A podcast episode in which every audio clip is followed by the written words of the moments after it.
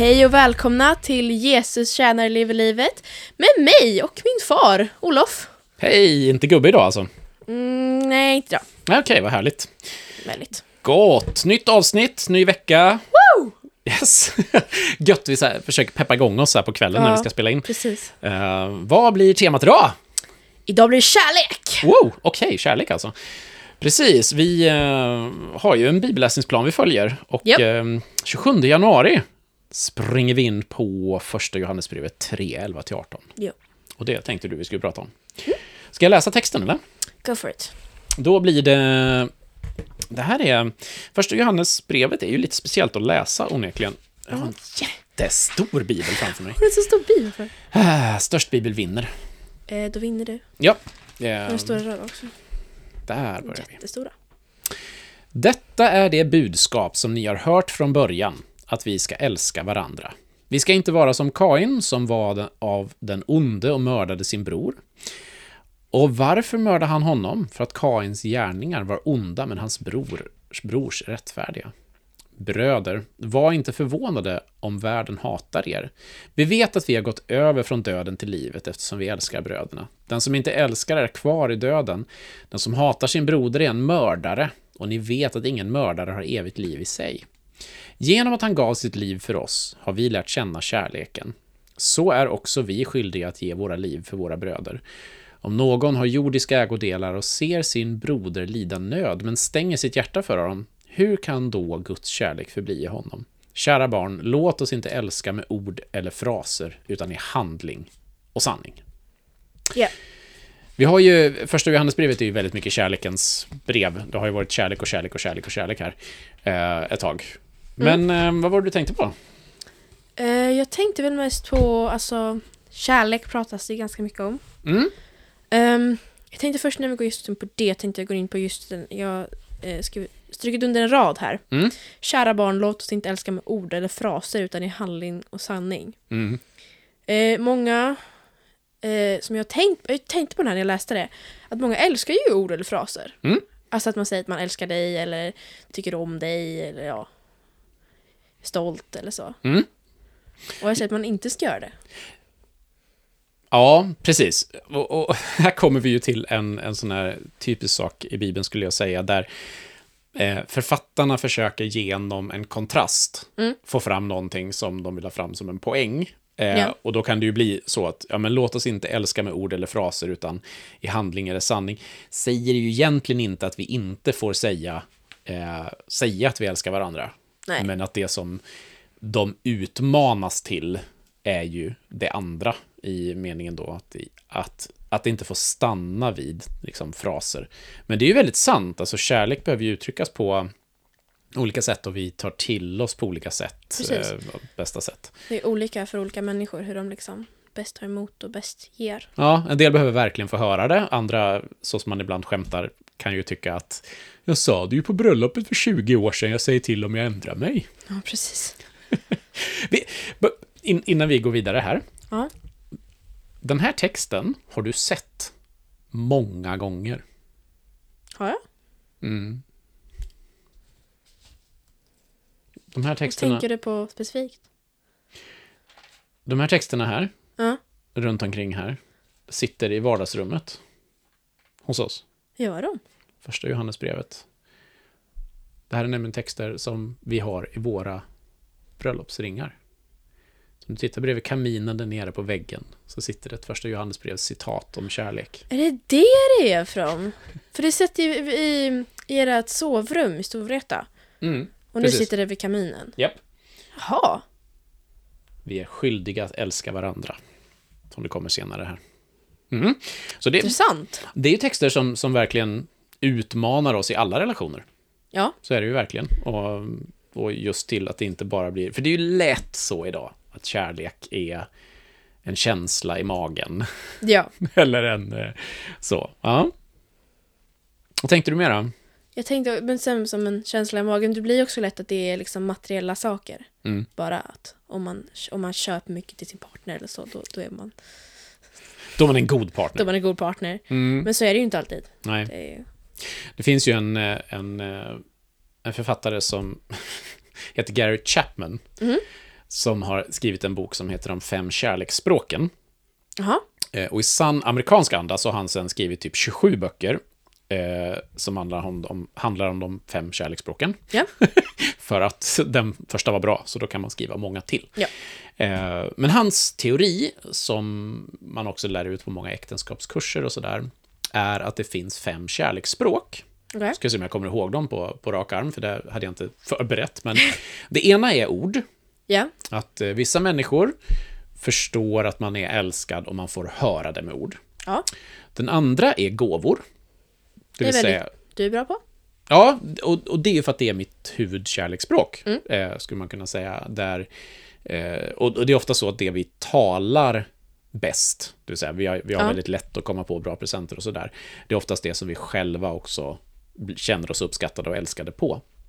Gåvor, tjänster, eh, som är att man gör saker för andra människor. Ja. Ehm, om... du har inte sagt att du älskar mig. Vadå? Jag har ju klippt hela gräsmattan. Ja. Eller jag har lagat bilen. Eller jag har ju diskat och lagat mat här hela kvällen. Förstår du inte att jag älskar dig? Ehm, och sen efter tjänster så är det ehm, fysisk beröring. Ja. Att man liksom blir eh, men kramad, pussad på och så vidare. Och den sista är tid. Alltså att man ger tid med den andra. Att man eh, går och fikar eller man har fokuserad tid utan mobiler och sådär. Så Ja. och, och det är så roligt när, när två sådana där språk krockar med varandra. För när den ena då försöker älska den andra allt man kan och ger jättemycket tid. Ja. Och så tittar den andra bara på diskmaskinen. Ja, här sitter du och... Här sitter du och bara tittar på mig ja, när du kunde ha plockat ur diskmaskinen. Ja. Och då, då blir det ju det blir en sån här mening lite svår också, för att en del behöver ju då ord och fraser, och andra behöver väldigt tydligt handling och sanning. Men jag tror kanske inte att den här framförallt handlar om romantiska kärleksrelationer. Nej, det... Utan här handlar det ju om i, alltså, Kristi församling, om mellan människor i stort, även om det såklart också tickar in på romantiska relationer. Ja. Jag tänkte också, bara liksom på grund av kärlek, så tänkte jag på otrohet. Jag vet inte riktigt varför. Ja, yeah, okej. Ja, vad tänkte du om otrohet? Nej, men jag tänkte att... Um, jag vet inte riktigt vad jag tänkte.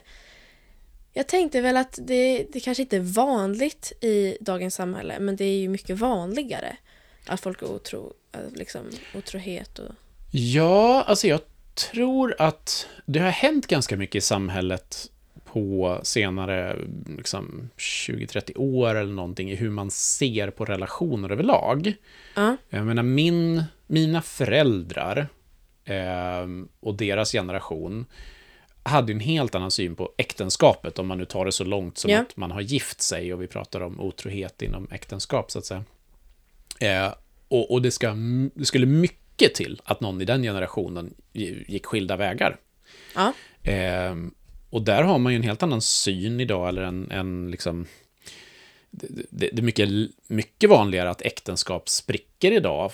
Mm. Eh, Och det är inte nödvändigtvis så att det är, har att göra med otrohet, utan mycket en rörelse mot att man ser på relationer på ett i samhället på ett lite flyktigare sätt. Eh, är bara titta på vilken romantisk komedi som helst så, så är det ju inte ovanligt att man lämnar den där tråkiga personen som man har gift sig med för att man hittar sin ungdomskärlek. Eh, och det, sådär.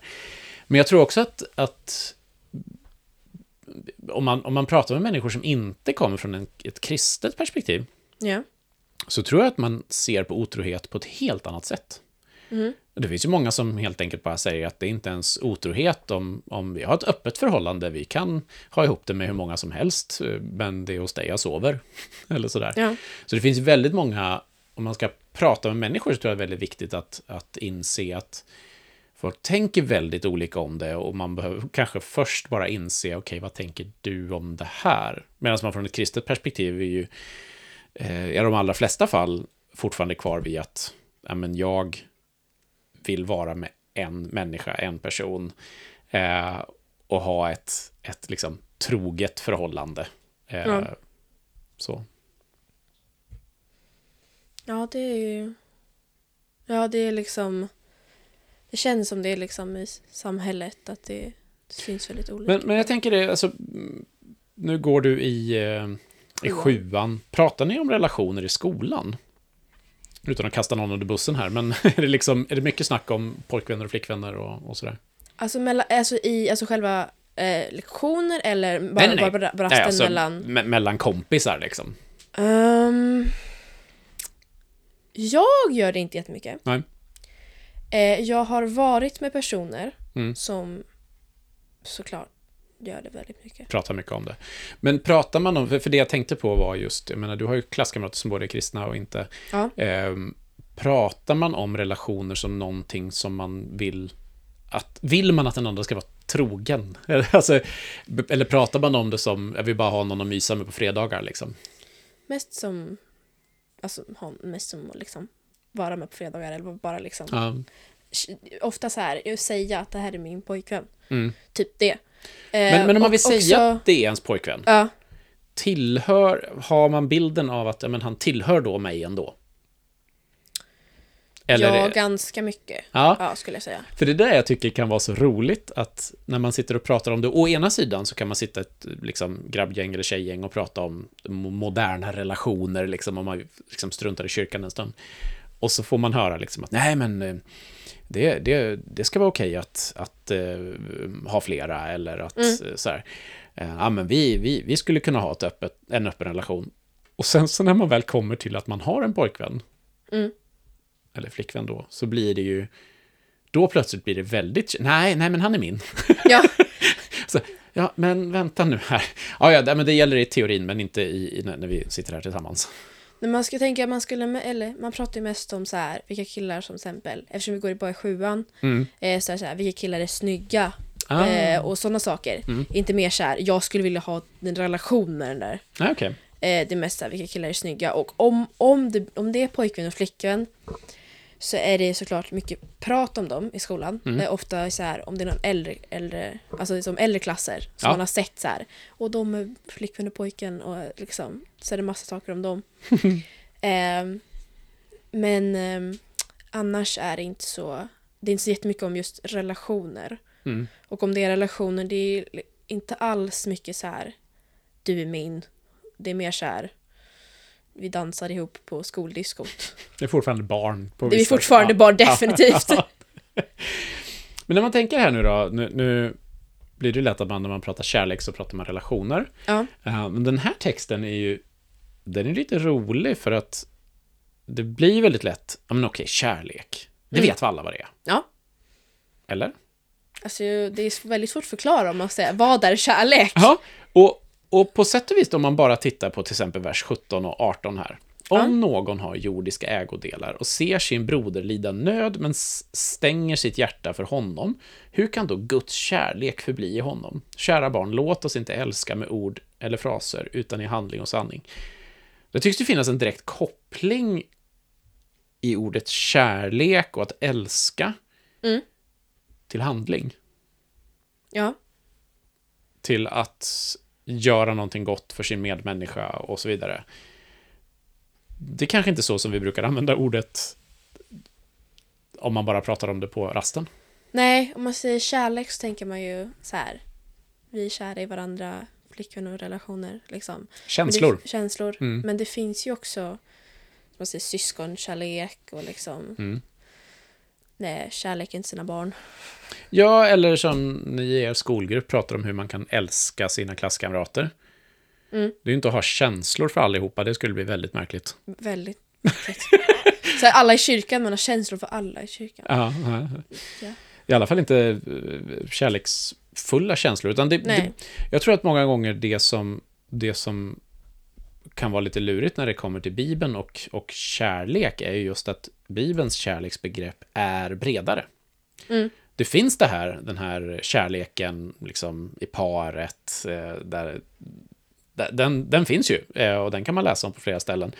Men mycket av kärleken som beskrivs som när Gud älskar, när Jesus älskar, är ju just den här uppoffrande kärleken där när man ger sig själv eller sina ägodelar eller eh, till andra människor. Eh, Ja. Jag har också tänkt på det här med engelskans I love you. Mm, Eh, det är ju till exempel i- om man har, om man har en relation, Mm. om vi pojkvän och flickvän till exempel. Då är det ju, när man säger I love you, det är en väldigt stor sak. Har, har, jag, Ja. har jag uppfattat det som, i alla Ja, fall. mm, mm. Eh, men man kan också säga mellan kompisar bara. Alltså till exempel om någon kompis gör någonting åt en så säger I love you! Eller Ja, sådana, mm. sådana saker. Och då är det ju inte alls lika djupt, definitivt Nej, inte. Ja, d- den är så rolig, för att det, det där är ju också en sån här sak som jag alltid har reagerat på när det gäller så amerikanska tv-serier och så. Det är väl samma sak på svenska, men eh, så här, de har många gånger sex första dejten. Ja. Och, och sen kan de till och med flytta ihop, men sen är det en jättegrej när de Ja. ska säga I love you. Det är en jättestor grej. Ja. Och, och, och där har jag, jag har aldrig riktigt förstått det som, som kristen, hur det har blivit en så, det är nästan som att gifta sig. Ja, här, Verkligen. Det är en klassiker liksom, i, i romantiska komedier att ah, nu skrämde du bort honom för du sa att du älskar honom för tidigt. ja, verkligen. Ska jag säga till honom att jag älskar honom? För det kanske skrämmer bort honom. Och, och, och, och det är klart att man vill ta...